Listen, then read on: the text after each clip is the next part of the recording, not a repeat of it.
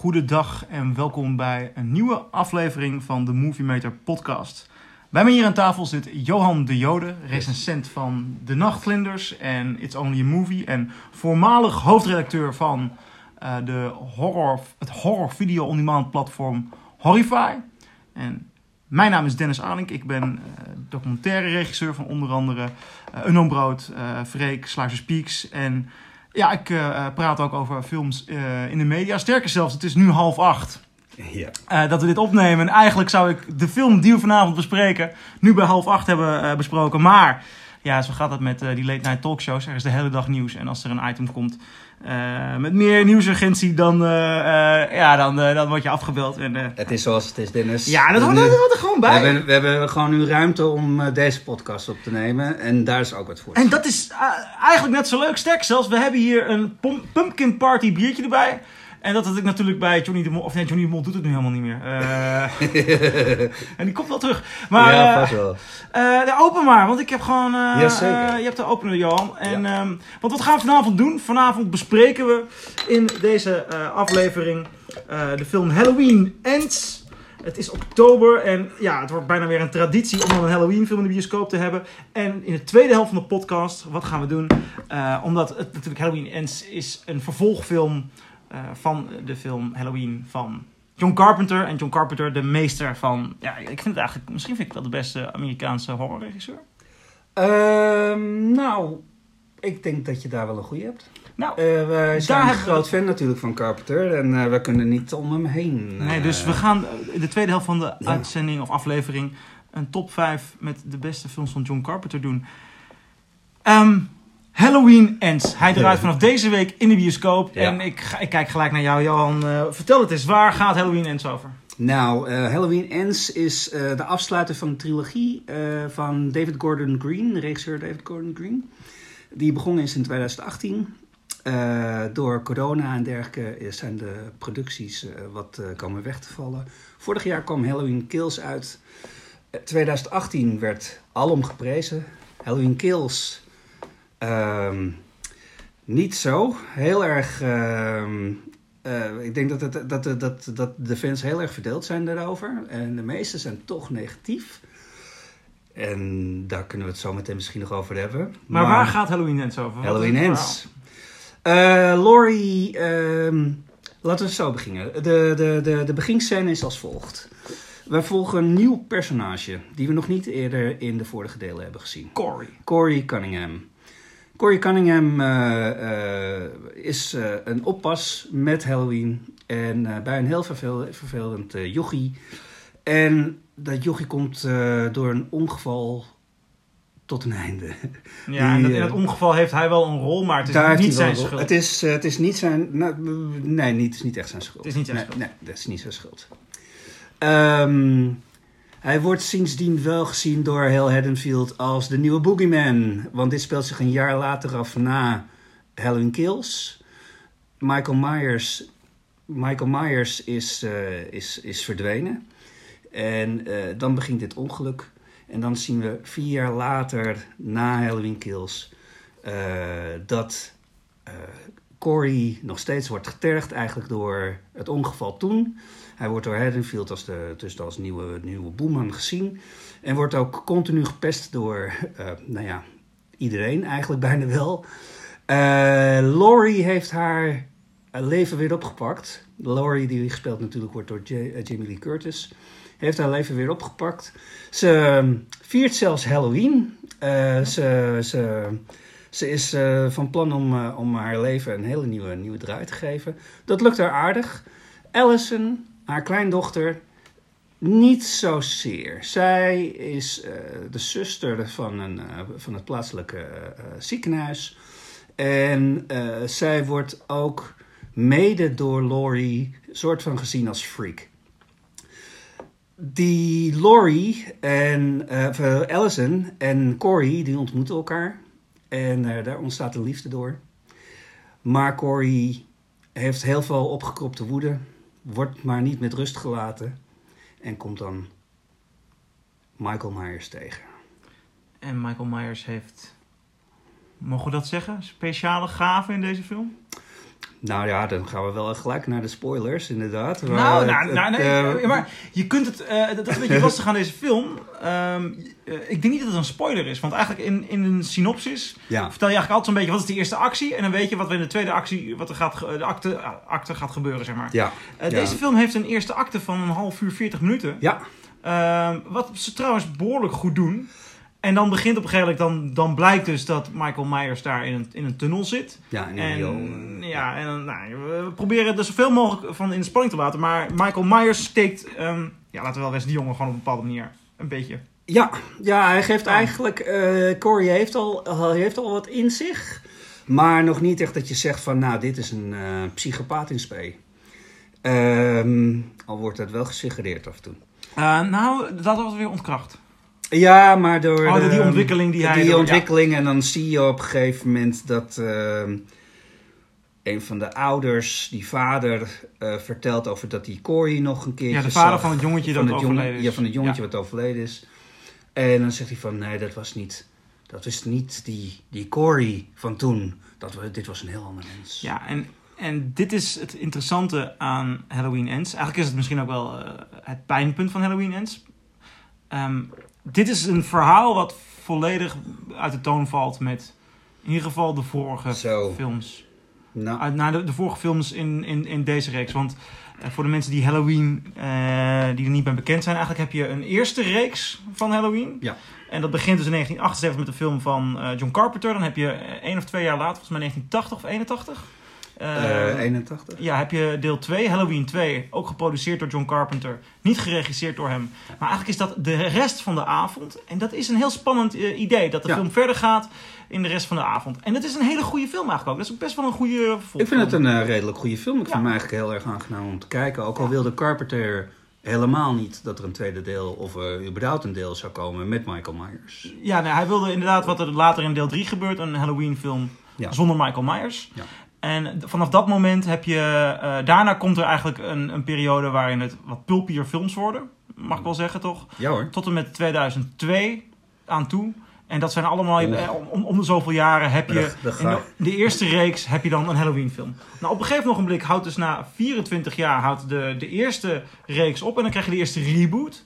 Dat zijn twee films van Rob Zombie, Halloween 1 en Halloween 2. Ja. En eigenlijk zitten we nu in de derde, of in de tweede reboot, dus in de derde fase. Maar wat deze fase anders doet dan voorgaande fases, is dat de film Halloween uit 2018, dat lijkt dan een remake, maar dat is het niet. Eigenlijk is het Halloween uit 2018 een nieuw vervolg op de eerste Halloween. Dus die doet alsof de reboot eh, er niet geweest is, en alsof de andere vervolgfilms er niet geweest zijn. En we gaan gelijk 40 jaar later, ehm, en dat was een fantastische film. En, ehm, eh, maar daar, binnen dat alles heb je eigenlijk dit idee dat Michael Myers een, meer een, een, ja, schim is niet eens het juiste woord. Het is geen Voldemort. Het is hij, dat hij iets overgeeft en dat er iemand anders de killer is. Nou, Dat hebben we. ehm, bij, bij Halloween Kills natuurlijk kreeg, eh, kreeg, kreeg Michael Myers nog een behoorlijk pak slaag. En dat heeft hij al eerder gehad. Eh, natuurlijk. ja, dat Eh, is wel wat regelmatig. Eh, maar in eh, Halloween Kills eh, is het wel behoorlijk. Als in messen in zijn rug, een, een vork, zo'n zo'n zo'n zo'n hooivork in zijn rug. Vol- volgens mij wordt hij ook nog een keer, nog een keer neergeschoten. Messen. Maar dat is eigenlijk niet waar ik naartoe wou. Waar, waar- waar- waar- wat er anders aan deze film is, Ja. is dat Michael Myers voor het eerst niet de enige killer is. Nee, nee, klopt. Het, En de het- film neemt daarin een, een ontzettend grote vrijheid. Ja, En dat, aan de ene kant had ik het gevoel van... oké, dit, dit, dit is iets wat bijvoorbeeld in de Friday the 13th reeks wel een keer gebeurd is. Dat dus Jason niet echt een moordenaar is, maar ja. eh, iemand anders in de geest van Jason. Eh, binnen, Michael, binnen de Halloween-reeks is het eigenlijk nooit gebeurd. Laat staan binnen deze dure Halloween-reeks. Want die laatste Ja. drie films, dat zijn echt dure films. Dat, Ja. is, dat is voor het eerst dat dit zulke dure, grote producties zijn. Ja. En ze nemen een heel groot risico op het verhaalgebied. En dat is aan de ene kant spannend. Aan de andere kant is mijn gevoel, als je het hebt over het verhaal... Want alle andere dingen, daar ga ik zo nog even over hebben ja. dit verhaal werkt gewoon niet. Het is een rommeltje, het is een soap. En ik vind het, nou, die eerste acte, waarin de personages worden neergezet. En die openingsscène waarin eh, dat ongeval gebeurt. ja. Vet, gruwelijk, fantastisch. Ik, vond het, eh, ik, vind het, ik vind het hele verhaal van Corey vind ik eigenlijk heel erg interessant. Alleen snap ik niet waarom ze dat in de derde film moeten doen. Want dat, had gedaan? dat had eigenlijk al eerder, eh, eh, eerder uitgevouwen moeten worden. Want dit, deze hele film, Halloween Ends, is veel meer een Corey Cunningham verhaal dan een Michael Myers verhaal. Ja. En het, eh, dan zou het spannender zijn geweest, denk ik, als we al vlagen van Corey al hadden gezien in de voorgaande twee delen. Ja, want we hebben nog niks met deze jongen. Nog helemaal niks. Nog Ja. helemaal niks. En het, en, en het wordt nu. Sommige dingen worden heel goed eh, wel. eh, tenminste, heel goed. Het wordt in ieder geval wel goed weergegeven van hoe die ontwikkeling gaat. Maar sommige dingen zijn echt heel erg rushed. Ja, Die- en, soapy, het drama heel erg soapy ook inderdaad. Die, Ja. die, die, die verliefdheid tussen Allison en Corey eh, vind ik heel erg ongeloofwaardig. Ja. Ik bedoel, ik kan me niet voorstellen dat je heel erg nat wordt van, eh, van een eh, Corey Cunningham die, eh, die eh, in, eh, met blauwe plekken en, en schuchter daar Nou, het is geen lelijke jongen, maar... Ik geloof, Nee, ik, geloof ook niet dat deze jongen, want hij maakt deze film ook de transitie door, door van, van nerd naar stoere gast. Dat is ongeveer net zo overtuigend als in de film Christine. Ah, een John Carpenter film. Daar, eh, daar, ja, daar, en dat, daar, daar- gaat gewoon helemaal... Dat, dat, daar wordt heel erg Leentje. Buur bij- Ja. gespeeld, bij, eh, bij eh, Christine inderdaad. Ehm, dat vind ik op zich wel leuk gedaan, maar het gaat veel te snel. Het, het, het, ik, ehm, kijk, op een gegeven moment, Corey die, die, die, die ontmoet eh, Michael Myers in het riool. Eh, die twee die kijken elkaar aan en er gebeurt iets. Een soort van overdracht, lijkt het wel. Ja. Met allemaal, je ziet er allemaal flashes van wat er in hun leven is gebeurd. Ja. Eigenlijk in het Ehm, leven van Michael Myers. Ja. Ja. En eh, dan lijkt Corey geschrokken, maar ook te, zich te, te, te, te, te ehm, berusten in zijn eigen, eh, nou ja, zijn eigen misère eigenlijk, zeg maar. In de taak die hij op zich moet nemen. En de eerste moord wordt volgens mij ook niet door hem gedaan, maar mede door hem gedaan. Die Ja. politieagent. Eh, de politieagent. Ja, dat, eh, ja, volgens mij... Nee, dat... Oh, de zwerver. De zwerver zwerver is als alleen. eerst. Ja. Maar dit- dit- nu gaan we het al te veel aan... Ja. Nu wordt, dit, dit vind ik wel sportengebied. Oh, ik vind Als dat we wel heel erg in de spoilers eh, Ja. zitten. Nee, maar- maar, ja, maar daar, daar moeten we maar uitkijken. Ik Ja, vind dat als je wil gaan spoileren, dan... Mm. Want dat Michael Myers zijn ding overdraagt, dat moet je gewoon vertellen. Anders kun je niet vertellen waar deze film over Nee, gaat. klopt. Maar wie er allemaal doodgaan, dat, dat moeten we voor ons houden. En Ja. zeker het einde ook. Oh, Want daarin doet de film nog wel iets bijzonders. eh, Ik ga niet zeggen wat. ja, ehm, nou, daar kunnen we het zo meteen even over hebben. Goed, het verhaal... Ja, eh, jij hebt wel wat met het verhaal van Corey Cunningham. eh, wat natuurlijk ook een referentie Ik vind het interessant. Cunningham, de regisseur van Ja, Friday- tuurlijk. de eerste Friday the tuurlijk. 13 film. Ja, ja, ja. ja. Ehm, jij vond het interessant. Ik, ik, ik had gelijk het gevoel dat ik merkte... Ah nee, ik, ik wil een Halloween film. En ik snap dat je deze afslag probeert. Maar ik vond de balans met hoeveel krijg ik van Michael Myers... en hoeveel krijg ik van die Corey Cunningham... en hoe, hoe, hoeveel van deze moordenaar geloof ik. En geloof ik eigenlijk wel een film waarin er twee moordenaars zijn. Dat vind ik in, in best wel meer slashes een probleem. Als het meer dan één moordenaar is... Dan krijg ik het gevoel dat de maker mij heel graag een slasher wil laten zien. En dat ik niet meer naar een, een, een soort van unieke, bijzondere gebeurtenis met, met, eh, ja, met een, een boogeyman of een, of een killer. Nee, of- maar dat, dat begrijp ik ook heel erg goed. Kijk, ik vind het verhaal van Corey Cunningham vind ik wel interessant. Maar vind ik het interessant om dat ook in een Halloween film te zien. Niet per se, tenzij het een opzet is, iets voor meer. En, eh, Maar, je- nu ga je spoileren. Nee hoor, nog niet. het, eh, het, het, maar dat is wel iets wat deze film en eigenlijk ook de voorgaande twee delen heel erg doen. Iets opzetten en het niet, niks mee doen. Niks afmaken. Of, of, of een... Nou ja, goed. Anyhow, het, het, eh, ik eh, geloof... ik zou het verhaal van Corey Cunningham had ik heel erg interessant gevonden. Alleen niet in deze film. Want het, het, het, het, de, de hele Michael Myers, Laurie eh, verhaal komt daardoor eh, best wel op een achtergrond. Ja, en dat is een beetje jammer. Want wat ik heel knap vond aan deze film... is ze hebben eerst die openingsscène waarin dan die traumatische gebeurtenis plaatsvindt. Ja, wat een ja. fantastische opening is. Oh ja, vond ik een heel goed. Dan komt de titelsequentie en dat is die, dan hoor je die muziek van John Carpenter, die Halloween theme. En daar nemen ze ruim de tijd voor en die knalt binnen. En ik zat echt als een, met een grote grijns in de bioscoop vanochtend. Ik zat echt glunderen van, oh, dit is toch leuk. En het feit dat Laurie ook weer ehm, terug gaat wonen in Haddonfield. Ehm, dat is fantastisch. Het huis waarin ze terechtkomt is prachtig. Dus ik had daar heel veel zin in. En dat is ook een beetje het ding met deze film. Ehm, het verhaal is gewoon niet zo goed, vind ik. Maar de sfeer Oh, is een genot. Ik zat, ik zat met heel veel plezier te kijken.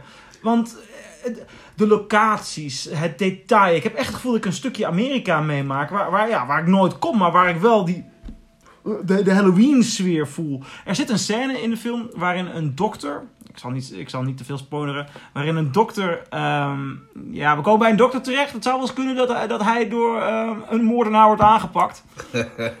maar die man. En dat vind ik de kracht van die laatste drie films. Die woont in een huis. Een, Ja. een soort, ja, het is eigenlijk een bungalow, maar een bungalow met een binnenplaats. Met een, met een zwembad. En ehm, dus het is een soort van. Het is een huis met een binnentuin. Wat, en het is een zwembad. Maar het is één verdieping. En alles is glas. En hoe het is ingericht. De stenen.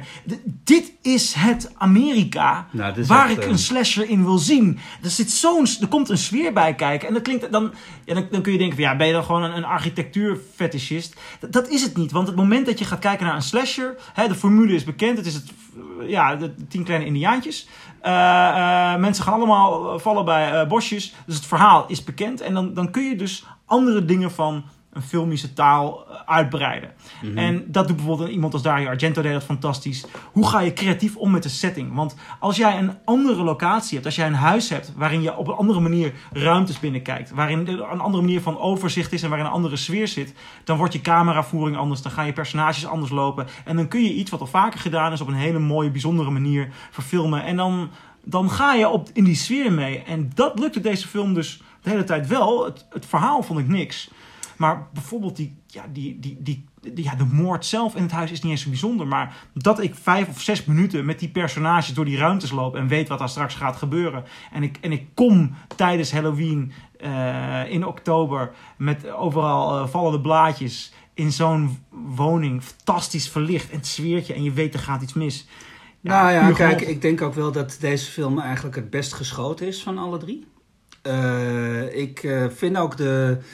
Kijk, er zijn wel een aantal dingen waar ik best wel echt wel veel problemen mee heb. Van wat je zegt van het uh, Laurie is weer terug in, eh, eh, is gewoon een huis gaan kopen in Haddonfield. Ehm, Maar het is mooi, want haar personage heeft een ontwikkeling doorgemaakt. Zij, eh, ze denkt aan het begin van deze film echt dat ze Michael Myers achter zich heeft gelaten. En dat is totaal anders dan ten opzichte Oké, van de vorige maar bedenk even, ja, maar bedenk even. Hè, van, kijk, in 2018, Michael Myers was toen al 40 jaar niet meer gezien. Hij Ja. was achter tralies, oké. Maar Laurie was gigantisch parano eh, paranoïde. En eh, die had haar hele de, de, de huis als een bunker, eh, zeg maar, gemaakt. En deed oefeningen en ik veel wat Ja. meer, schietoefeningen.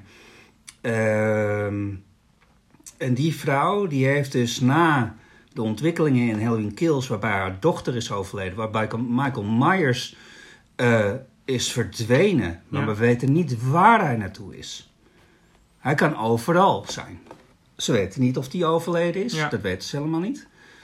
Dat is nog enger dan dat je weet van dat hij achter tralies Ja, maar zit. dat is het interessante. Daar, zij is ook een boek aan het schrijven in deze film. Ja. En, en we hebben de hele tijd stukken, horen we stukken tekst. Ja, En dat stuk in, eh, in een monoloog tegen het einde van de film. eh, op een bepaald moment heeft zij omarmd dat ze geen controle heeft. Dat ze de controle die ze 40 jaar heeft geprobeerd door te trainen en de boeman op te wachten. ja. dat dat ook niks heeft opgeleverd. Dus zij omarmt, en, en dat, vind- ik, vind dat, dat, ik vind dat een goede gedachte. eh, zeker vanuit iemand die een heel leven lang getraumatiseerd is en alles verliest. Van, ik heb hier geen controle over. Er is chaos.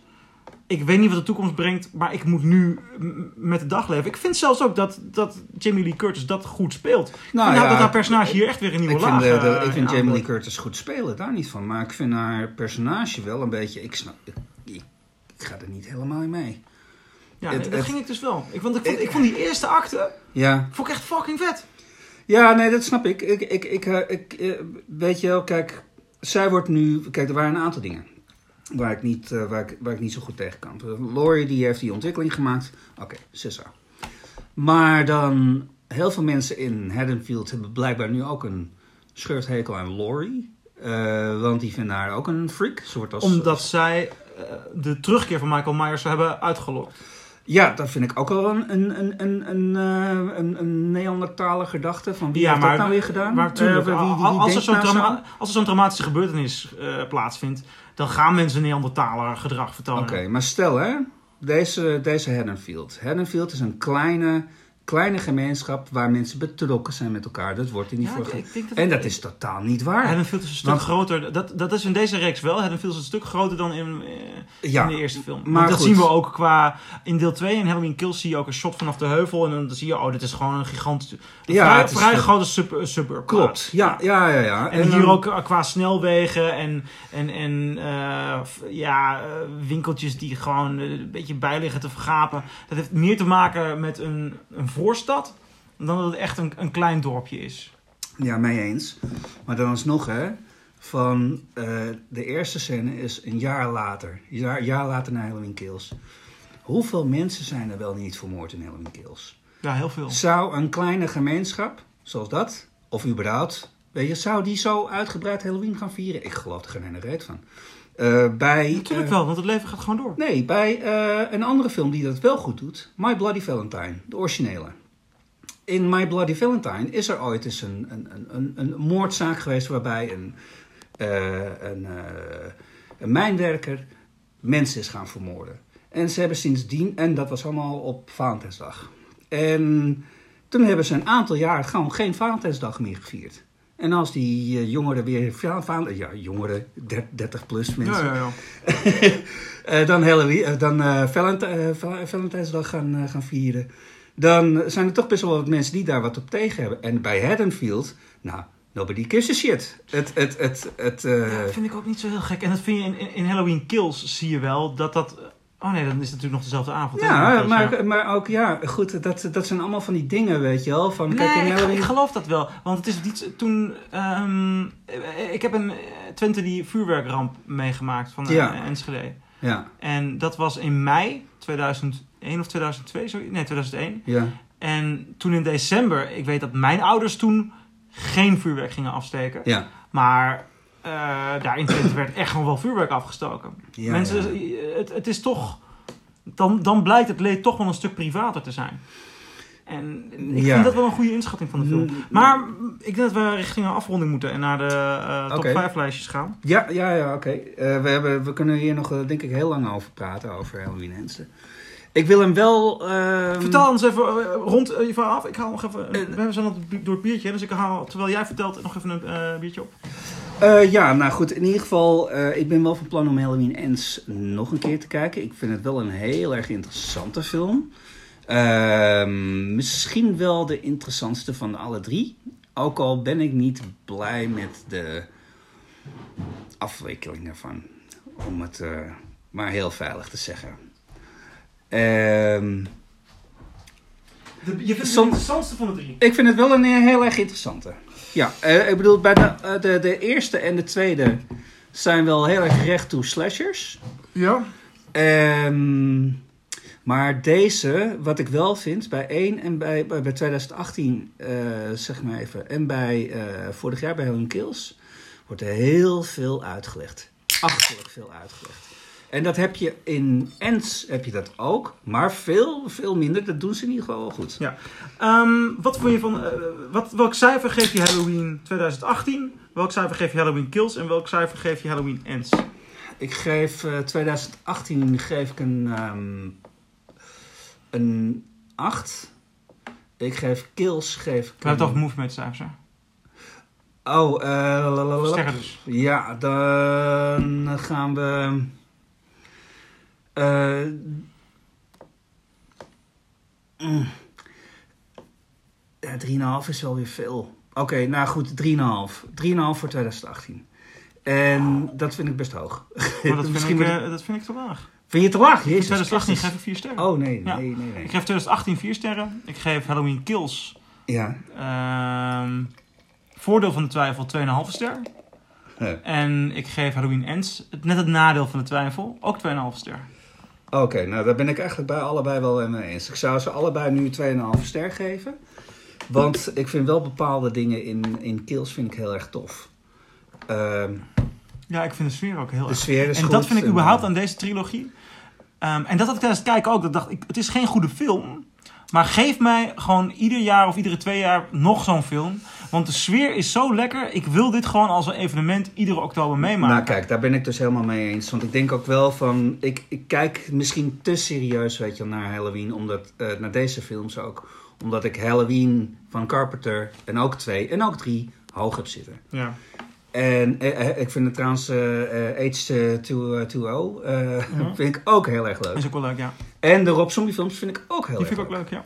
Ehm, en nu, weet je wel, kijk ik heel erg kritisch daarnaar. Terwijl ik misschien bij een reguliere horrorfilm minder kritisch daarvoor over zou zijn. Bij een reguliere slasher.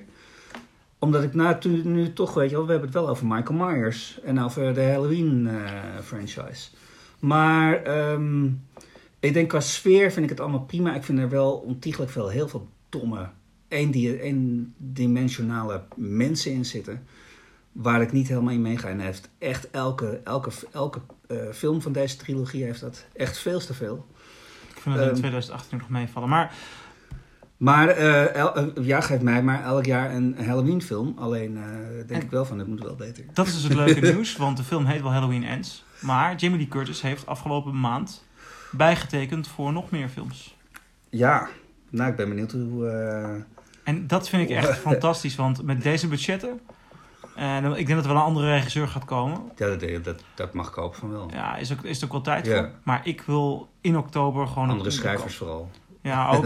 nou, maar de schrijvers hebben risico genomen. En dat vind ik al heel wat. Ja, eh, nou, kijk, En daarna... er, zit- en er zitten leuke vondsten in hoor. We hebben hier een radiostation in Halloween Ends. ja. Eh, Vrug heet het. Ja. is, W-U-R-G. ik zag verdacht veel trouwens Nederlandse woorden in... eh, Ja, ja, er zitten misschien wel geintjes in hè. ja. Ehm, maar daar zit ook een, een moordscène bij dat radiostation. Die, die is waanzinnig goed. Het sfeertje rondom het radiostation. Ja. En daar komen we straks nog. Gaan we, de- ik ga nog naar een film refereren. Die de, want er zitten eh, hints naar, andere, naar John Carpenter films in. Ja, ja.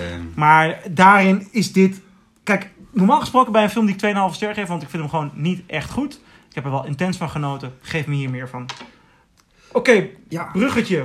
Top Ja. 5 van John Carpenter films. Daar gaan we het ook moeilijk mee hebben, want god, we zijn groot fan van Carpenter. Ja. En, eh, We hebben hem allebei ook live gezien. eh, ja, We hebben, hem alle, we hebben voor allebei van hem een handtekening in huis. eh, ja. Wat heb jij ook. gesigneerd? Eh, ik heb een, eh, een print van eh, Escape from eh, New York eh, door, door hem eh, gesigneerd. Ja, ik heb eh, zijn album van een paar jaar geleden... waarin hij zijn horror themes opnieuw inspeelt. Heb Ja. ik door hem gesigneerd. Ja, dat is heel goed.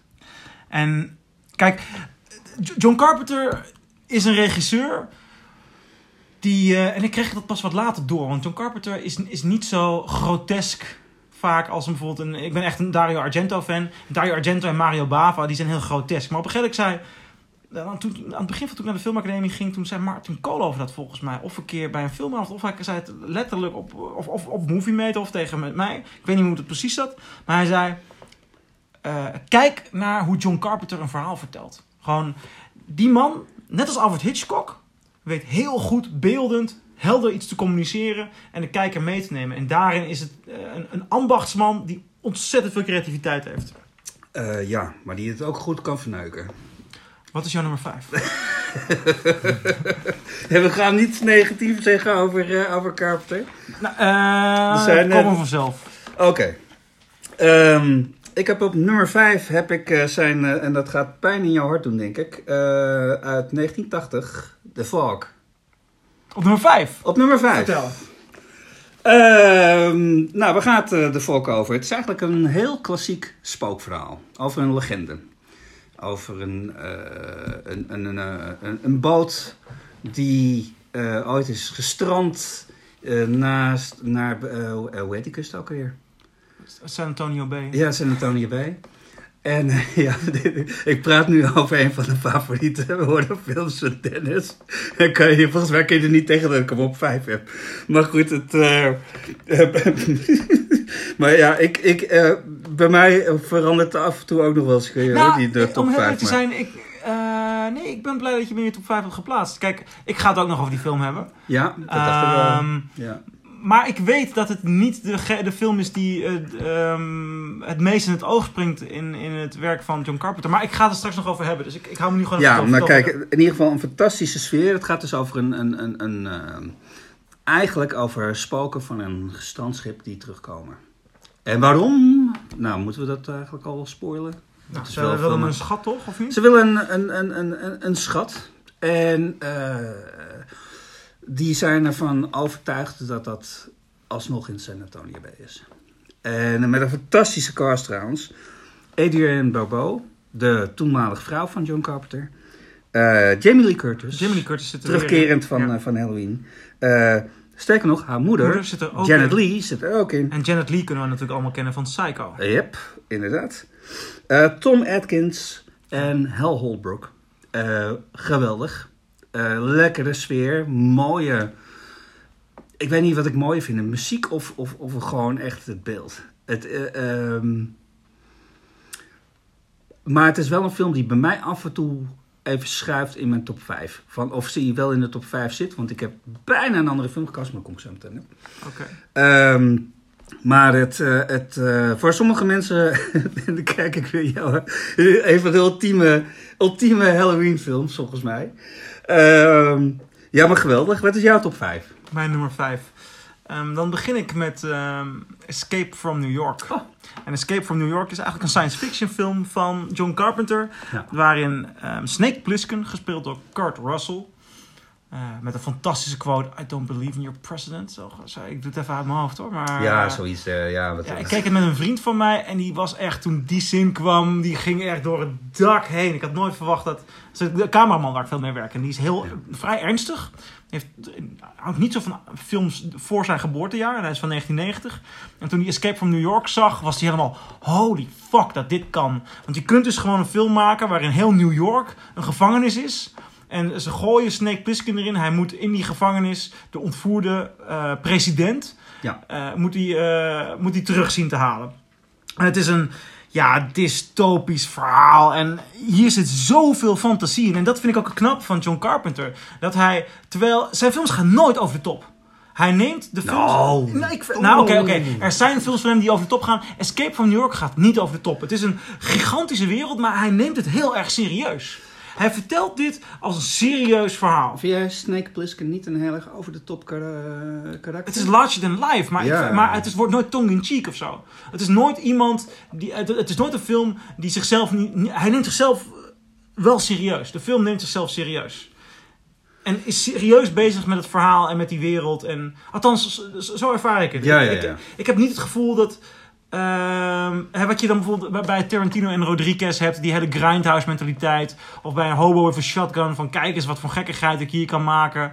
Eh, of een regisseur die het verhaal gewoon niet aan kan. Ik vind dat John Carpenter met best wel veel.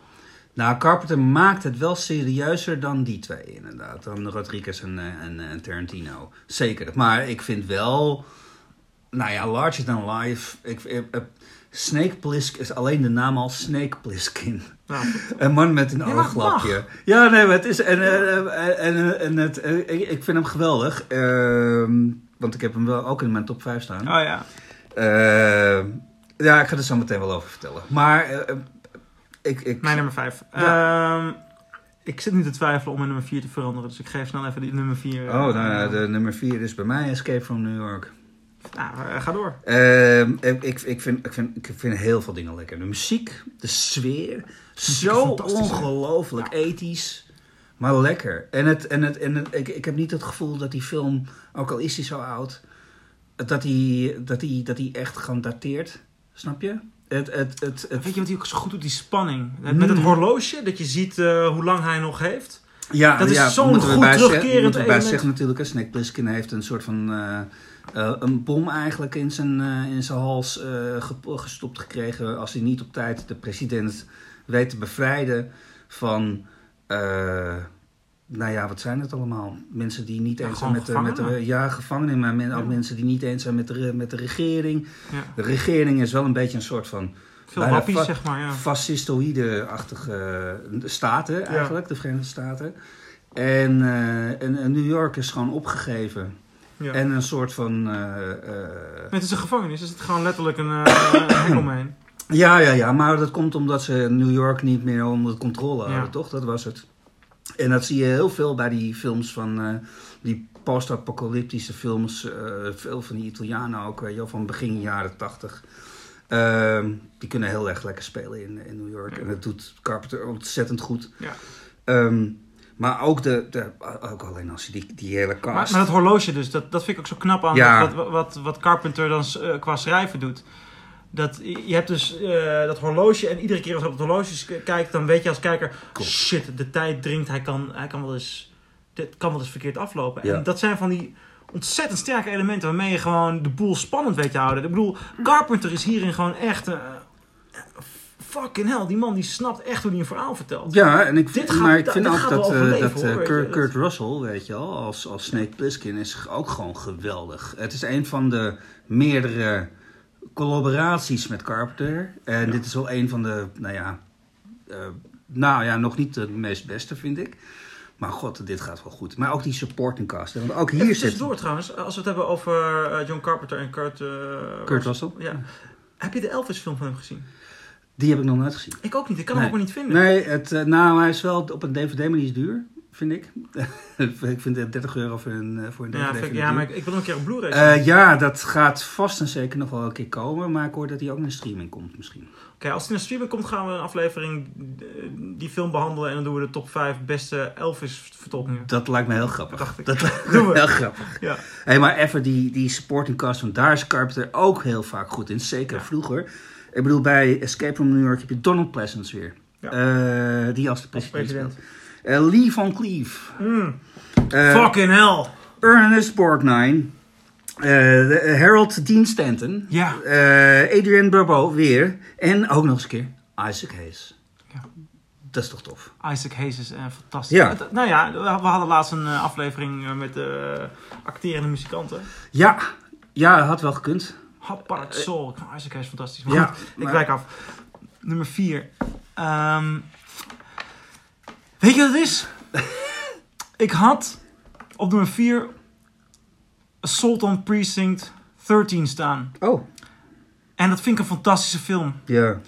Ik vind dat... eh, ik heb het toen voor het eerst ook bij zo'n filmavond in OT 301 van eh, Ronald Simons en Martin Koolhoven gezien. Ja. Dat zijn een soort van. Dat waren, eh, dat waren toen nog echt cultavonden in een klein bioscoop hier in Amsterdam in de oude filmacademie. Een beetje gure avonden.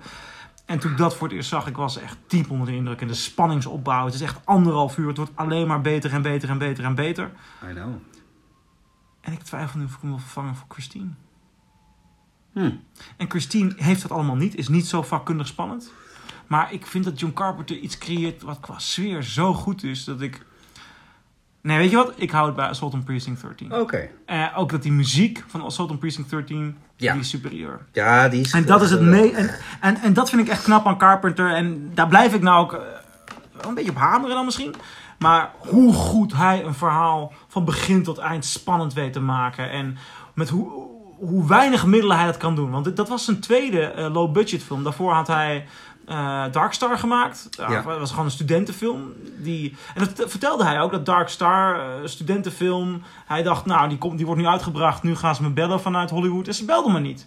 Dus toen heeft hij nog een keer een low-budget film opgericht. Namelijk Assault on Precinct 13. Wat ook gewoon in avonduren bij een eh, politiebureau eh, gefilmd is, als ik het goed heb. Ja, ja, maar ja, mensen is- spelen goed. Het is, een, het is een goede kloppende film. Hij, hij ontstijgt echt het niveau van de, de, de exploitatiefilms en de pulp... Die, die niet snappen hoe acteurs op elkaar reageren... hoe een verhaal eh werkt te krijgen. En, en hij blijft gewoon doorbeuken. Want daarna Halloween, daar werd hij dan wel voor benaderd. Maar dat is weer een low-budget film. Dus hij heeft echt binnen low-budget geleerd... dat je kwaliteit kunt leveren. Door gewoon te snappen hoe je goed een verhaal vertelt. Ja, Ja, ik, ik ben het niet helemaal mee eens, want ik heb eh Assault on Precinct 14 heb ik op nummer 3 staan. Nee, we hebben dit dus, wij weten van elkaar niet wat de toplijn, eh, top, top, top, Eh, het- zijn. het- ja, ik ben dol op asiel. eh asiel. Asiel? ja, dat wordt, Ja, die kunnen we in. Nederland maken. asiel on eh, Precinct 14. Ehm, Ik ben die- heel erg bang dat onze lijstjes dus gewoon heel erg op elkaar Dat gaan zou heel. Ja, maar ja, dat, dat, dat geval eh, denk ik nu ook. Het had leuker geweest als je die Christine er gewoon in had gedaald, eh, Dennis. Maar goed, Ik denk dat we, we moeten na de lijst nog even een soort van honorable mentions gaan maken. Want anders dan hebben we Ja. gewoon straks... Maar goed, verder, verder. Nou, maar ik vind echt bij Assault on Precinct 13, het is zo rauw. En ook zo... Kijk, er zitten een aantal... In het begin denk je even van, oh jeetje, een beetje karikatuur, bende groepen. weet je wel. Eentje Ja. ziet er een beetje uit als Che Guevara, de andere is, is, is, is donker, de andere is blank, weet je wel. Nou, die komen allemaal bij elkaar in een soort van verbond. Want de politie heeft een grote slag geslagen, net daarvoor, door een aantal bendeleden te doden. Tussen bundelen de krachten. En dan, eh, heel toevallig, terwijl ze eigenlijk met eh, hun nieuwe wapens een beetje lopen te spelen, eh, komen ze een, een, een ijskommand tegen. Waar net een meisje een, eh, een ijsje gaat halen. En, eh, nou, dat is een van de bruutste scènes die ik... eh, die Ooit ik, gezien. ja, Dat, als, ik nu, als je nu ook zegt, het is gruwelijk. dat is in één keer zo. Het is in één keer fuck. pop.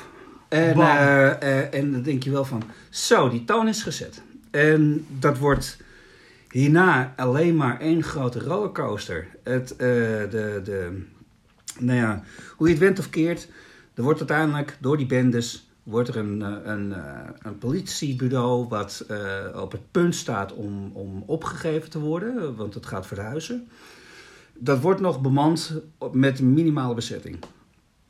En die moeten het uithouden tot dat, eh, de volgende dag eigenlijk. Want ze kunnen niet meer bellen. De telefoonlijnen zijn allemaal doorgeknipt. We hebben het hier over jaren 70. Hè, dus niemand heeft een mobiele telefoon of iets dergelijks. Ze, weten, het, ze zijn ook best wel ver verwijderd van de stad. Ja. Dus niemand heeft eigenlijk door wat daar precies gebeurt. Mhm. En het is eigenlijk wat. wat eh, John Carpenter is een groot westernfilm film fan. Hij heeft nooit een western geregisseerd, maar dit is eigenlijk zijn Rio Bravo. Rio Bra- Nee man. Jawel. Rio Bravo is een hangout film met... eh, eh, die voor een heel groot deel over alcoholisme gaat. Dat is en, toch een eh, Bravo? Heb, heb ik het nou helemaal verkeerd? Is het niet Rio Bravo? Welke film is dat dan? Waar, waar, waar dit heel erg op lijkt. Ja, ik, ik ervaar Rio Er zit- Bravo echt anders. Oh, film nou- met John Wayne, James Dean Ja. en die ehm, Harry, Harry, Harry Nilsson? Is het James Dean in Rio Bravo? Nee, Dean Martin, sorry. Oh. Eh, eh, Dean Martin. Dean, eh, John Wayne, Dean Martin en Harry Nilsson. Nou ja, Howard Hawks. eh, ja, maar er zit wel een eh, belegering in. Ja, oké, maar dat hebben best veel westerns. Ja, oké. maar Rio maar- Bravo vind ik eigenlijk een film die over, Volgens over mij, die mannen gaat. eh, volgens mij is het zelfs Carpenter die aanhaalt dat hij dit dat eh, heeft Serieus? Oké, eh, nou... eh, Maar ook daarin, hierin de, de, de, de, de, de acteurs, ook al zijn sommigen een beetje over de top qua acteren, maar wel ontzettend leuk. Onder andere, eh, even kijken, want ik heb, ze, ik heb hun namen erop staan. Als Napoleon Wilson, eh Darwin jo Joston, ehm, als de eh, Austin Stoker als Evan Bishop. En het grappige is, want er is een remake hè, van Ass- Assault on Precinct 13. ja. Ehm, en daar zijn de namen verwisseld. Oh ja? Ehm, ik weet niet waarom, vonden ze blijkbaar leuk. Eh, ook Nancy Keys, die ook in Halloween speelt, als Annie. Eh, ik, vind Annie al een ontzettend lekker ding in Halloween. Maar die speelt ook in Assault on Precinct 13, dus dat is een dubbele plus voor mij. Oh, ze speelt trouwens ook in The Fog. En ze speelt volgens mij ook nog in iets anders. eh, in Halloween 3, maar dat is geen John Carpenter film. Op jouw nummer drie. Assault on Precinct 13. Jazeker. Ja. Op mijn nummer drie. En ehm, ik schaam me bijna dat deze film op- de nummer drie staat. Maar met John Carpenter. voor mij zijn de, de top drie zijn gewoon drie vijf sterren films. Gewoon drie niet te ver- vervangen meesterwerken. The Thing. Oké. The Thing is het verhaal van een groep eh, onderzoekers op Antarctica, als ik het goed heb. Antarctica, ja. En ehm, Allemaal gefilmd in Alaska. Ja. Maar het is, het is in Antarctica waar het... eh, is het niet net onder Alaska? Ze hebben gefilmd in Canada. Net de, de staat tussen Alaska en ehm, de Oh, staat. Washington. Ik dacht, dat het, ik dacht dat, dat het Alaska Ik heb was, toevallig maar- laatst een interview gezien met Carpenter waarin hij zegt, want Alaska was heel ver reizen. Ja. Het zit daar net tussenin. Ze hebben in Canada gefilmd. Oh, grappig. Ehm, en het begint met dat deze mensen een. eh, ze zien een husky die over de, de, de, door, door, door de sneeuw naar hen toe rent. En die wordt achterna gezeten door. Zijn het uh, Noren, Finnen of Het Japanners? Ja. Noorden. En eh, die willen die hond doodschieten. Nou, waarom zou je zo'n mooie lieve hond doodschieten? Dus die helikopter met, eh, eh, met, de, en met de sniper, die, eh, die overleven die situatie niet. En die lieve husky die wordt in de kennel geplaatst. En wat zijn die rare Noren nou weer van plan? Ja. Maar die husky is geen husky. Spoiler. Nee, is geen spoiler. Dit is nog allemaal de eerste acte. Ja, Je mag ja, de eerste ja, ja. acte mag je uitleggen. Oké, ja. Die husky blijkt een buitenaards wezen te zijn wat kopieert. Ja. En wanneer die husky in een hondenkennel wordt geplaatst, worden die honden, die andere huskies, die worden heel onrustig. Mhm. En dan zien we een transformatiescène waarin blijkt dat hij niet alleen kopieert, maar ook consumeert. Ja. Ja, nou Ehm, nou. The Thing staat bij mij op nummer drie. Ah, omdat, ja, dit, dit is gewoon filmgeschiedenis. Dit is gewoon zo ongelooflijk knap gemaakt. Er zit zoveel spanning in. Het is zo'n paranoïde verhaal. En het is, ik heb de film, eh, de eerste keer dat ik hem zag, dacht ik, ja, wel oké. Wel oké, iedereen heeft Wel oké? Thing. Nee, de, de- de Oh, eerste keer zeg ik, hè? De eerste keer. Oké. Eh, want ik, ik had toen een dvd'tje te pakken. En ik had daarvoor had ik Halloween gezien. En nog een paar andere John Carpenter films. Ik dacht, ah, nee, nee oké, wel, wel oké. Eh Ennio Morricone muziek, eh, leuk. Nou ja, die Morricone muziek die vind ik nu geniaal. Nee, nee, nee, maar hallo, ik heb het over de eerste keer. Ja, ja, ja, oké, oké. En ik heb, daarna heb ik hem... ehm, toen waren we op een gegeven moment op de filmacademie. Was de projectiezaal die was leeg. En toen hebben we met de geluidsklas... eh, heeft hij gezegd... eh, ze hebben hier de Blu-ray in de mediatheek. Van, eh, ze hebben ze de Blu-ray hebben we geleend. Ja. En toen hebben, zijn we met z'n achten... Zijn we in de filmacademie The Thing gaan kijken. En dat was fantastisch.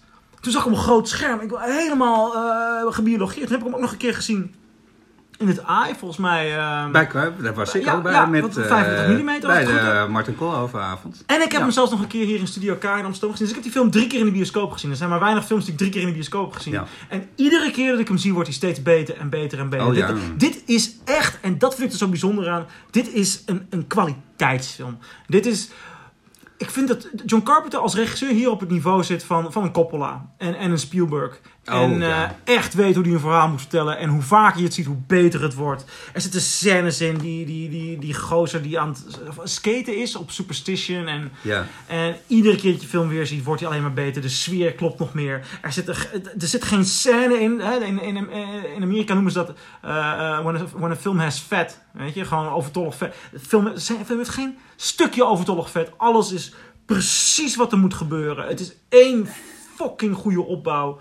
Ik vind vind zoveel dingen geweldig aan die film. Echt geweldig. Ik heb hem natuurlijk ook in mijn top 5. Ja, ik heb ik rond hem af. Bij Ja. mij The Thing op nummer drie. Oké. Ik geef eh, eh, aan jou nummer twee. Ja, ik heb, ik heb ehm, nou ja, eh, op nummer 2 heb ik Halloween Oeh, ja. van 1978.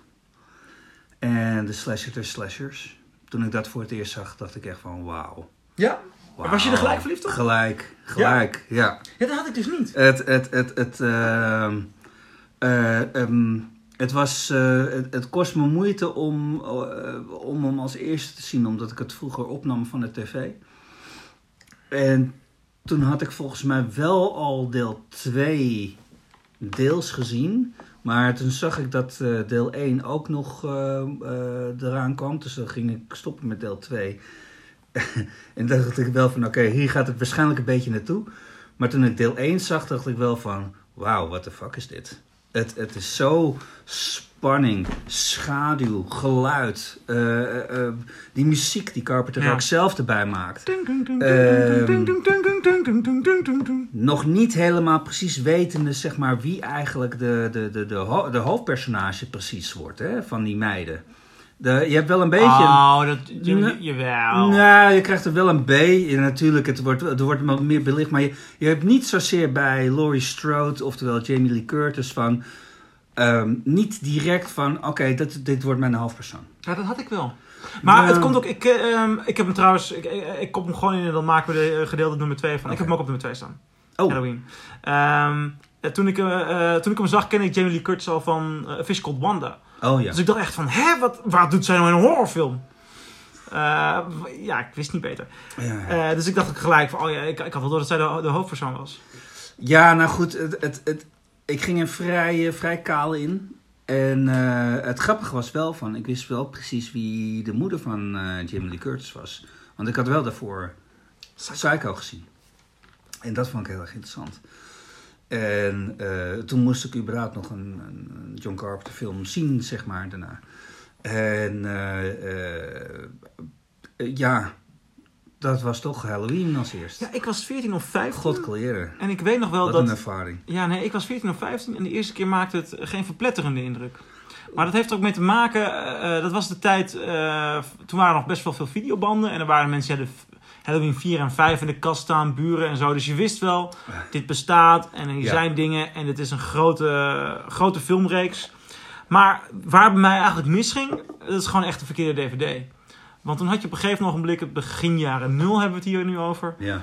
een actie bij de Mediamarkt dat bepaalde titels 1 euro kosten.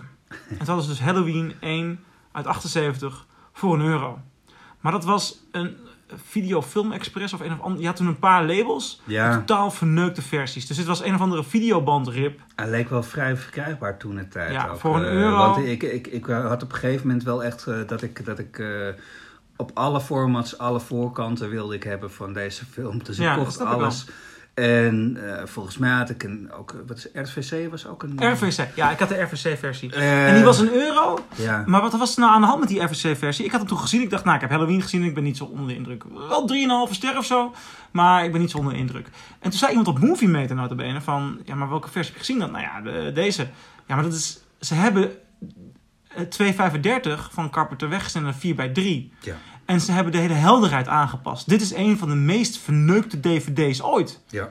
ja Je ja, hebt ja, de film niet gezien. En dan denk je van ja, flikker toch op, eh snobbig gedrag. eh. Goed, toen heb ik de film op eh, een Anchor Bay DVD besteld. Dat was, dat, was 10, 15 jaar geleden. Was er een, dat was toen het grote horrorlabel.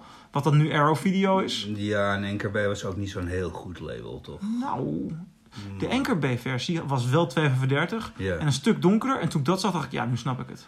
En toen heb ik. ehm, en de Blu-ray van die film is ook niet in Nederland makkelijk te verkrijgen. Want ik heb in Nederland nooit een Halloween 1 Blu-ray gevonden. Totdat ik vier jaar geleden. eh, trouwens, dat was ook dus niet in Nederland. Ik was in Aberdeen. Ja. Dat was eh, in november. En dat was rondom de release van Halloween 2018. En toen hadden ze daar voor 5 euro een hele mooie, strakke Blu-ray. Echt een goede Blu-ray. En toen heb ik nog weer eens op Blu-ray gezien. Die film wordt ook iedere keer dat je hem ziet steeds beter. En dit is een film die ik gewoon ieder jaar in oktober weer opzet. En de, en de, en de sfeer die is ja. weergaloos. En hij heeft hier gewoon het slasher genre uitgevonden. Dit was... Je voelt nu nog, als je een goede print van deze film ziet... voel je nu nog hoe nieuw en hoe fris dit toen was. En ook hoe serieus Ja. die film eigenlijk wel niet is. En eigenlijk vind ik het ook gewoon eh, bijna wel een beetje bespottelijk... dat we eigenlijk in 40 jaar tijd hebben dan een betere slasher gekregen. Nee, ik vind wel dat we dit jaar een andere zinnoemvaardige slasher hebben gekregen. Maar daar gaan we dan in het de, de, Oh, ja. topoverzicht van Ja, vet ook wel, ja. 2022 Ja. eh, het over hebben. Johan, wat is jouw nummer 1? Eh, ja, The Thing. Natuurlijk. Ja. The Thing, mijn favoriete film, horrorfilm aller tijden. Dit is zo'n film die ik meeneem naar een onbewoond eiland. Ik vind Favoriete horrorfilm aller tijden? ja, ja hoor, ja. Dit vind je de Ik allerbeste dit, horrorfilm ik vind dit, ik vind The Thing vind ik heerlijk. Ik kan The Thing, eh, er is een tijd geweest dat ik The Thing soms opzette als ik me klaar aan het maken was voor het werk, eh, voor, om weer naar werk te gaan. Dan hoor ik die geluiden en ik vind die kennel, als, ze naar die Ja. hondenkennel gaan, en je hoort, je, je ziet nog niks hè. Je weet wel van die hond, eh, ja, Ja. Het, het ding is wat aan het doen. Maar zij hebben nog geen, ene idee, geen idee. Maar ze hoorden wat en het is donker. En eh, I don't know what the hell it is, but it's weird and pissed off. Weet je wel? Ge- Ja. en dan hoor je het beest. God kaleren, wat is dat geweldig. En die muziek van Morricone. Jezus, wat is dat lekker. En het mooie is ook dat... muziek, ja. Ja, en dat ook eh, een van de nummers die hij eigenlijk had eh, voor de- deze film... is uiteindelijk door Tarantino nog gebruikt. Voor The in, eh, Hateful Eight. Hateful Eight. Ja, fucking goed nummer. Bestiality. Echt, toet, toet, toet. Ja, geniaal, ja. Maar als je even kijkt, hè, van de, de, de, de Thing heeft best wel veel personages. En het is zo makkelijk eigenlijk, zeg maar, om, om, om, om weet je, daar heb je Clark, daar heb je Bennings, daar heb je Palmer, daar heb je Copper, eh Childs, eh, eh, hoe heet die, Keith, Keith, Keith David. Allemaal memorabele personages. En de paranoia die je Ja. voelt. Het is, het is zo aanwezig. Je begrijpt ze ook helemaal. En dan zie je die effecten. Oké, sommige effecten zijn misschien wat gedateerd. De eindscène, snap ik heel goed. dat mensen dat gedateerd vinden. Eh, Dan eh, snap ik niet wat je dan gedateerd dan is. Nee, via de, als het eh, wezen uit de grond komt, zeg maar. eh, Nee, trek ik helemaal. Ja. Ja, ik zie daar, wel, daar zie je wel van dat de film echt al, al een tijdje oud is. Het is niet, dat is niet helemaal meer, maar voor de rest. De, de, de, de, de, de, de, Met de eindscène denk ik trouwens aan, eh, aan de blikken tussen Kurt Russell en... Oh, en- nee, nee, nee. Maar ik bedoel de laatste scène met het ding. Nou, tenminste, we weten natuurlijk niet of, eh, of het ding nou het heeft overleefd. Ja. Ehm, Wat trouwens dat einde is... Eh, gewoon- eh, fucking poëzie. zo goed. lekker nihilistisch van die Tokyo. Ik hou ervan. Het is gewoon... het is waanzinnig. En eh, is zoveel die, die, die personages die verkopen het allemaal. De effecten van, van, van Rob, eh, of is het Bob? Rob Bottin. eh, die nog toen fucking jong was. Wel een beetje hulp heeft gekregen van eh, shit. Stan Winston? Nee? Stan Winston? Ja. Ja. Maar er is één dag ingevallen door Stan Ja, Winston. Dus, eh, de, maar- de dag in de, in de Husky Kennel. ja. Ja. Maar zoveel, zoveel moois. En het... het, het eh, ja, je kan me... En weet je, kijk, ik heb die Arrow Blu-ray. En ik, eh, ik ga hem ook nog een keertje upgraden naar 4K uiteindelijk, denk ik. Maar alleen die Blu-ray al. Ik keek het eh, Ja, eh, een paar maanden geleden met een vriendin. En ze dacht echt van dat het een film was die vrij recentelijk was opgenomen. Dat het zo mooi is. En ook die ene avond, Ja, weet die blijft bij- strak, hè? Ja. Die ene avond in het AI, dat we toen op 35 mm of was het 70? Nee, 35. 35, want, eh, ja. Hij is niet op 70 mm gefilmd. Nee, dat klopt. Maar dat ziet er zo ongelooflijk mooi uit. Eh, daar kan ik zo van genieten. Het is echt een tijdloos klassieker. En dan, eh, weet je, dan heb je een remake en dan komt er nog een remake komt eraan. En, en, en dat snap ik, want het... het remake het- is eigenlijk meer een prequel, hè? Van een Nederlandse regisseur Van de. Nederlandse Matthijs eh, van Heiningen junior, ja. En eh, kijk, natuurlijk toen is... ook de Nederlandse première. Was je dat niet ook bij toen de Nederlandse première op de Halloween Horror Show? Ja, daar was ik bij. Ja, was Ja. niet om aan te zien. Eh, Nou, niet om aan te zien, hij was niet... eh, Oeh, dat- nee, dat- ik overdrijf. Hij was gewoon niet zo heel erg goed. nou, Hij was niet heel slecht, maar hij was zeker niet goed. Nee, maar, de- de- maar ook hij- is heel erg tegengewerkt door de studio. En dat, dat is natuurlijk ook weer iets wat, wat, wat... Maar goed, dat is een andere, andere... Misschien leuk om hem een keertje uit te nodigen. Nou, laten we hem een keertje uitnodigen. Maar eh, eh, goed, kijk, weet je, Carpenter's The Thing is ook een remake. Eh, want we hebben al eerder een, een, een verfilming gehad eh, van, ehm nu moet ik eventjes, hoe heet hij ook weer, Christian Nibi. Ja, ik heb hier de, De Blu-ray toevallig eh, eh, er even uitgepakt. Ja, geproduceerd door Howard Hawks en het verhaal is waarschijnlijk ook... eh, eigenlijk is, waarschijnlijk is die ook geregisseerd door Howard Hawks. Dat zijn nou, Howard Hawks heeft eh, waarschijnlijk een hele grote vinger in de pap gehad Ja. bij deze film inderdaad. En die film heette niet de vinger eigenlijk, maar de vinger Think from eh, from World. Prachtige film. En het is natuurlijk naar het boek Who Goes There. En nu wordt er waarschijnlijk een film gemaakt. Echt meer naar het boek. En daar ben ik best wel benieuwd naar. Ja, moet ik ook wel zien. Dan Jouw naar nummer. 1. Ja, ja, ja ik weet het wel nu ondertussen. De beste film van John Carpenter vind ik The Fog. Ja, En ik vind het de beste film omdat het de film is die ik het meest opzet. En dat zit hem, dit is niet zijn spannendste film. Want eh, Halloween en The Thing zijn enger. Maar The Fog vind ik... Ik vind dat je eigenlijk twee typen eh, horrorfilms hebt. Je hebt horrorfilms die er zijn om je angst aan te jagen. En er zijn horrorfilms die een sfeer neerzetten. En Ja. als je überhaupt een toplijst maakt van de meest sfeervolle films... eh, dan- komen kerstfilms heel ver. Eh, Dan komt The Godfather heel ver. En dan zou ik tussen dat soort films ook gewoon de Fork noemen. Want ik vind de setting van dat kustplaatsje... en hoe langzaam maar zeker die mist dichterbij komt... en de mensen bedreigt. En er is daar een vuurtoren. Yep. En een van onze personages die vertelt vanuit die vuurtoren... maakt ze radio. Eh, De Witching Hour vanaf middernacht. Ja. Eh, vertelt ze eigenlijk wat, wat de ontwikkelingen zijn met die mist. Terwijl ze ook radio moet maken. Want ze blijft wel gewoon een commerciële functie ook hebben. Ja. En alle personages in de film zijn verbonden door die radio. Dus het gevoel van tijd en plek. En, en dat je door radio verbonden bent. Terwijl er een soort van ramp eh, afspeelt. Dat maakt het zo'n unieke situatie. Je, je, het is echt alsof je zelf met, met dat plaatje, met die personages rondhangt in een, in een milde dreiging. En dat vind ik ook het leuke.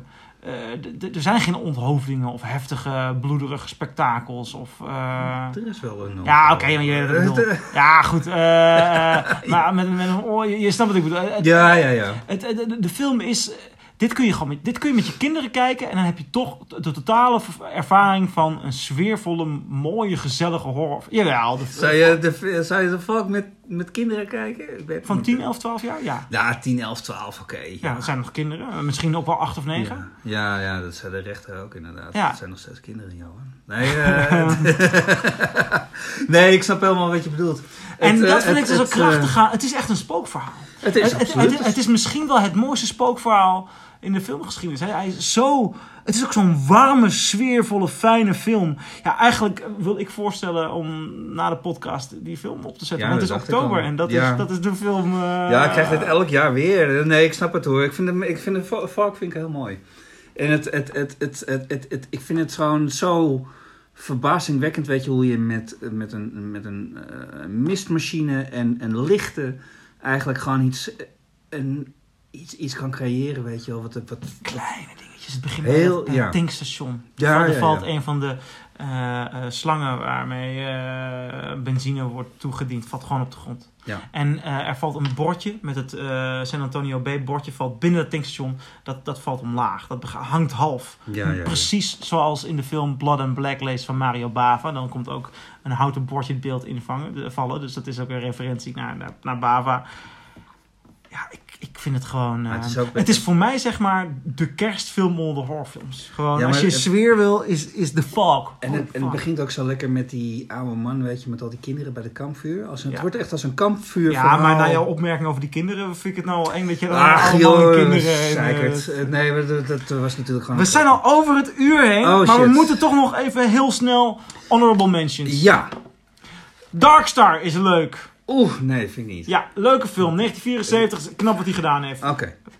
Sigurd Burns van... eh, Fucking hell!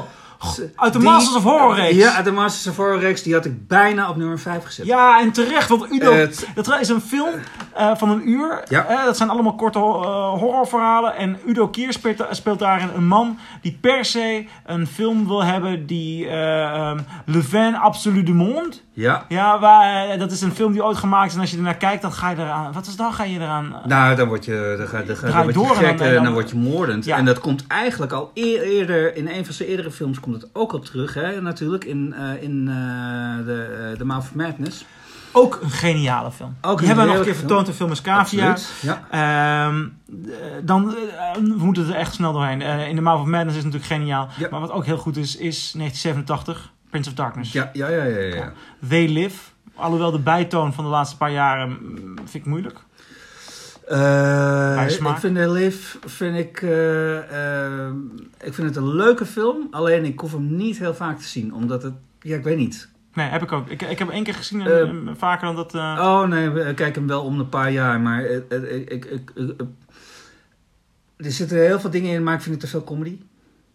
Hm. En, ik- maar goed, dat, dat, nou, dat klopt. Dat is natuurlijk ook weer een beetje gelul. Want het is een, een van zijn meest maatschappijkritische films ooit, denk ik, eh, van, eh, van Carpenter. Maar, ehm, eh, nou, ik vind het gewoon een heel leuke film. Maar het is niet het meeste werk wat sommige andere mensen wel ervan maken. Vind ik hoor, maar dat, dat, dat ben ik. Maar, Trouwens, een er is een hele mooie Amerikaanse Blu-ray uitgave in een steelcase. Met een hoes gemaakt door Ned Marsh. En Ned Marsh heeft een aantal fantastische John Carpenter hoesen gemaakt. Namelijk voor The. Fog, voor Halloween, voor eh They Live, voor eh, Escape from New York. Sterker zelfs, hij, eh, jij wees me op hem. En toen heb ik hem gevraagd om de poster voor Unknown Brood te maken. En dat Ja. heeft hij toen ook gedaan. Dus ja, als ja, een ja, fanboy die- ben ik die, bij hem aangeklopt. En toen heeft hij de poster voor mijn Die, film die gemaakt. print ja. die ik heb van, van Escape from New York is ook van hem. En hij doet het nu echt fantastisch. Hij doet ook allemaal DVD, Blu-ray. Oh, DVD. Nee, Blu-ray, 4K Ja, covers en zo. Heel tof. Ehm, Prince of Darkness.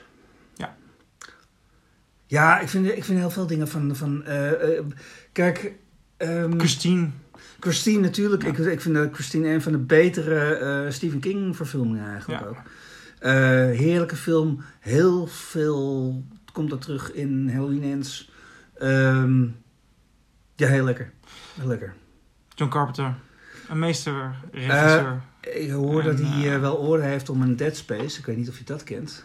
Eh daar heb je een game van en ook een tekenfilm. Nee, Eh, hij zou daar heel graag dat willen. Hij is ook een grote spelletjesfan. Hè? Hij Ja, speelt hij heel speelt- graag hij speelt heel spelletjes. games, ja. Hij zou eigenlijk wel dat willen verfilmen. Ik heb, ehm, ik heb Carpenter eh, wel een hele tijd zeg maar een beetje links laten liggen. Als in van, nou links laten liggen, als in van dat ik niet zo'n vertrouwen meer had in wat hij wat hij, wat hij deed. Eh, maar ik hoop, dat hij, ik hoop eigenlijk nog heel graag dat hij nog een film keer, eh, gaat regisseren. En het lijkt me heel erg tof als hij dit gaat doen. Heel tof. Dat zou super zijn. Dat was onze aflevering over Halloween Ends en Ja. de top 5 met John Carpenter films. We zien jullie graag weer terug bij een volgende podcast. Oké, tot dan. Een hele fijne dag en eh, een fijne oktober en Halloween. Yes. Hoi! Hoi.